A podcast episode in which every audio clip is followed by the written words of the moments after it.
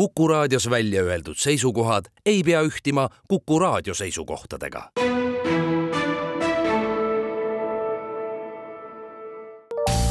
terviseks. saade valmib koostöös Ida-Tallinna Keskhaiglaga. vaata ka itk.ee tere, head Kuku kuulajad, eetris on saade Terviseks ja kui me eilses saates rääkisime hooajalistest viirustest ja haigustest, siis tänasel teemal jätkame.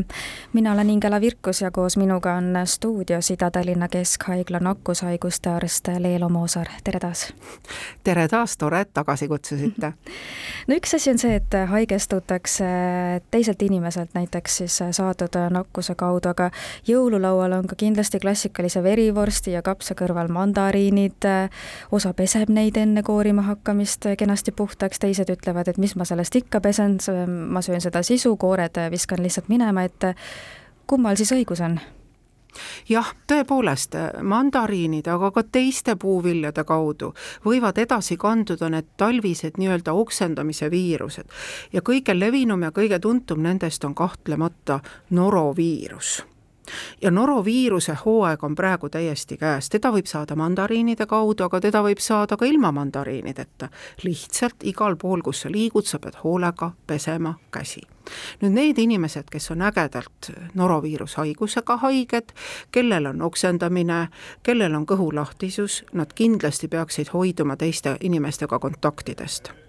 sellepärast et nad eritavad viirust aktiivselt ja kui nad korralikult käsi ei pese peale tualeti kasutamist, siis nad võivad teisi nii-öelda nakatada. räägitakse ka, et lausa need noroviiruslikud oksepritsmed võivad õhu kaudu teistele peale langeda ja, ja, ja nakatada. nii et äh, sellised ägedas noroviirus nakkuses inimesed ei tohi kindlasti toiduainete pakkimisega ega nende käsitlemisega tegeleda ega kuskil koolides ega hoolekandeasutustes ka töötada ja vähemalt kaks ööpäeva peab olema möödas, et nad tohivad tööle naaseda, aga nüüd mandariinidest peaks ütlema seda, et ega mandariinid ju ise ei ole nakatunud, vaid nende koortel võib siis olla tõepoolest seda noroviirust. Ja noroviirus on hästi vastupidav kergele kuumutamisele, aga ka külmale ta on vastupidav ja ta võib pindadel päris kaua vastu pidada, nii-öelda ka siis mandariini koortel. Ja ilmselt on siis neid mandariine pakkinud või, või sättinud inimene, kes on hiljuti põdenud seda noroviirust, kuna see on hooajaline viirus praegu. nii et selle tõttu ta võib kanduda ka teistelt puuviljadelt või, või teiste toiduainete või esemete kaudu, aga asi on tähtis see, et alati tuleb kõik puuviljad pesta sooja jooksva vee all neid õrnalt hõõrudes, sellepärast et mandariini koortel võib olla ka neid nii-öelda neid putukatõrjevahendeid ja säilitusaineid, te ise teinekord tunnete, et kui te puudutate puuvilju, et nad nagu naksuvad, et mingisugune nagu niisugune mm, liimiv, liimiv kiht või selline niisugune nagu vaha, vahakiht on nendel mm, puuviljadel peal, nii et kindlasti tuleb neid pesta ja kindlasti siis tuleb neid koorida. Ja käed peavad ka alati olema puhtad, kui te midagi endale suhu panete praegu siis rääkisime noroviirusest, eelmises saates ka gripist ja Covid viirusest, et kuidas neid täna ravitakse? no põhiline on ikkagi see, et kui valdavas osas gripiviirus ja, ja, ja Covid viirus võivad suhteliselt kergelt kulgeda tavalise terve immuunsusega inimesel, siis ravi on ikkagi sümptomaatiline Äh, palaviku alandamine, rohke vedeliku tarbimine, kui valutavad luud ja lihased, siis võib kasutada ka äh, valuvaigisteid, ma mõtlen näiteks ibuprofeeni, kõige tavalisem, kättesaadavam, midagi tõsisemat kindlasti ei ole vaja. ja põhiline on see, et inimene äh, püsib kodus, et ta ei saa siis nii-öelda külma juurde ja, ja ravib ennast korralikult terveks. nüüd need inimesed, kes on riskigrupi inimesed, aga ka väikesed lapsed, siis nendele on olemas tegelikult gripiravim, viirusvastane ravim Tamiflu, mille doseerimist õpetab teile kindlasti perearst ja, ja neid määratakse ikkagi gripihaiguse esimestel päevadel. nii et kui inimene on juba kümme päeva gripis olnud, siis seda ravi enam pole mõtet määratada ei aita nii et väga tähtis on see, et me saame haiguse teada esimesed päevad et kui me räägime nüüd Covidi infektsioonist, siis jällegi, kui meil on tegemist sellise patsiendiga, kes on mingil põhjusel immuunpuudulik, kellel on südamepuudulikkus, diabeet, raske krooniline kopsuhaigus, äh, ülekaalulisus või neeruhaigus, need on siis tavaliselt täiskasvanud ja eakad patsiendid ja see Covid viirusravim Paxlovid ongi lubatud täiskasvanud patsientidele, siis selle saab kirjutada ka välja perearst või kirjutab selle välja siis ka erakorralise meditsiini osakond, juhul kui see haigus on diagnoositud ja patsient on sinna pöördunud. ja täpselt samamoodi, esimesed haiguspäevad on seda mõttekas, seda viirusvastast ravi teha ja ta on tegelikult täitsa tõhus, mõlemad ravimid on head, kui sa hakkad seda piisavalt vara võtma, siis haiguse kulg on palju kergem, palavik kaob kiiremini ära, köha kaob kiiremini ära või ei jõuagi seal paljud sümptomid üldse tekkida, et päris hästi talutav. aga siin on ka mõned, sellel Paxlovidil näiteks siis Covidi ravimil, Paxlovidil on mõned kõrvaltoimed mõne, mõnede haiguste põhiste igapäevaravimitega, neid peab teadma, aga seda teab kõike ka juba perearst või, või erakorralise meditsiini osakonna arst, kui ta talle selle ravi peaks määrama. Nii et äh, ma tahaksin veel öelda sellest kodusest viirustestimisest, et praegu on apteekides saada käsimüügis need äh, antigeensed viiruste kiirtestid on olemas eraldi Covidile.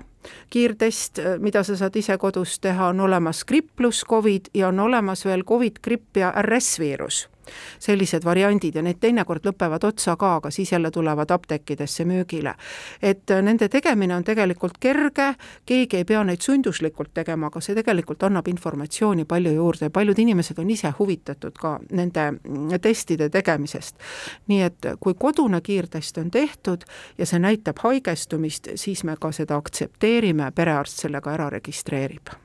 Te mainisite, et haigena tuleks siis vältida kindlasti ka seda, et ei külmetataks juurde. kui inimesed ütlevad, et ah, mul on väike nohu, mul on kerge külmetus, kas see on haigus eraldi või mis selle külmetusega täpsemalt on? ma pidasin silmas seda, et haige inimene ei peaks lihtsalt äh, ringi käima ja, ja, ja külma tuult ja niiskust saama, pidasin silmas seda, aga külmetushaiguste all mõeldakse tavaliselt ikkagi viirushaigusi, hooajalisi viirushaigusi, et kui sa kuskilt internetist otsid selle kohta informatsiooni, siis saad sealt kohe oma gripi ja Covidi ja, ja järgnevate viiruste info. Et arst see... iseenesest diagnoosina seda külmetust ei pane kunagi? ei, ei, ei mida nüüd siis teha või, või kuidas käituda, kui pühad on tulemas, perega tahetakse küll aega veeta, aga tuntakse hästi väikest sellist kerget kurguvalu, et isegi võib-olla nohu ei ole sealjuures, kurk natukene kriibib, mis on võib-olla ka tavaline selline keskkütte ajal, kui õhk on kuiv, et kas siis tasuks kohe igaks juhuks siiski koju jääda, et võib-olla on siiski selle taga mingi viirus, teha need testid või, või kuidas käituma peaks? Mina olen täitsa nõus, et kui on ikkagi rohkemat kui ühekordne kurguvalu, siis tasuks koju jääda pigem. aga samas, kui teil õnnestub tõepoolest siis apteegist äh, osta see kiire testimine, siis võiks selle ära teha ja selle järgi otsustada ja kindlasti on oluline ka see, kelle juurde te pühade külla lähete. kui teie lähete vanavanemate juurde, kes on eakad, ja te teate, et nad ei ole vaktsineeritud ei Covidi ega gripi vastu, siis kindlasti ärge sinna minge kuidas meil nende lähikontaktsetega on, et äh, kui vahepeal pidid ka nemad olema siis äh, isoleeritud nii-öelda, et kui näiteks minnaksegi äh, sugulastele külla, aga perest näiteks ühel on mingi haigus, et kas teised pereliikmed äh, võiksid siis ka koju jääda või nemad ikkagi võiksid minna? jaa, et ega see väga hea ei ole tõesti siis külla minna, et, et kui te lähete nende eakate juurde, siis pigem mitte,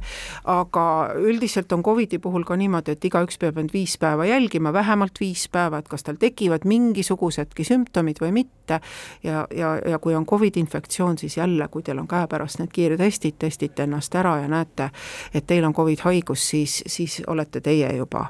vähemalt viis kuni seitse päeva isolatsioonis oma haigusega, kõik oleneb, milline sümptomaatika on ja kui tugevalt te olete haige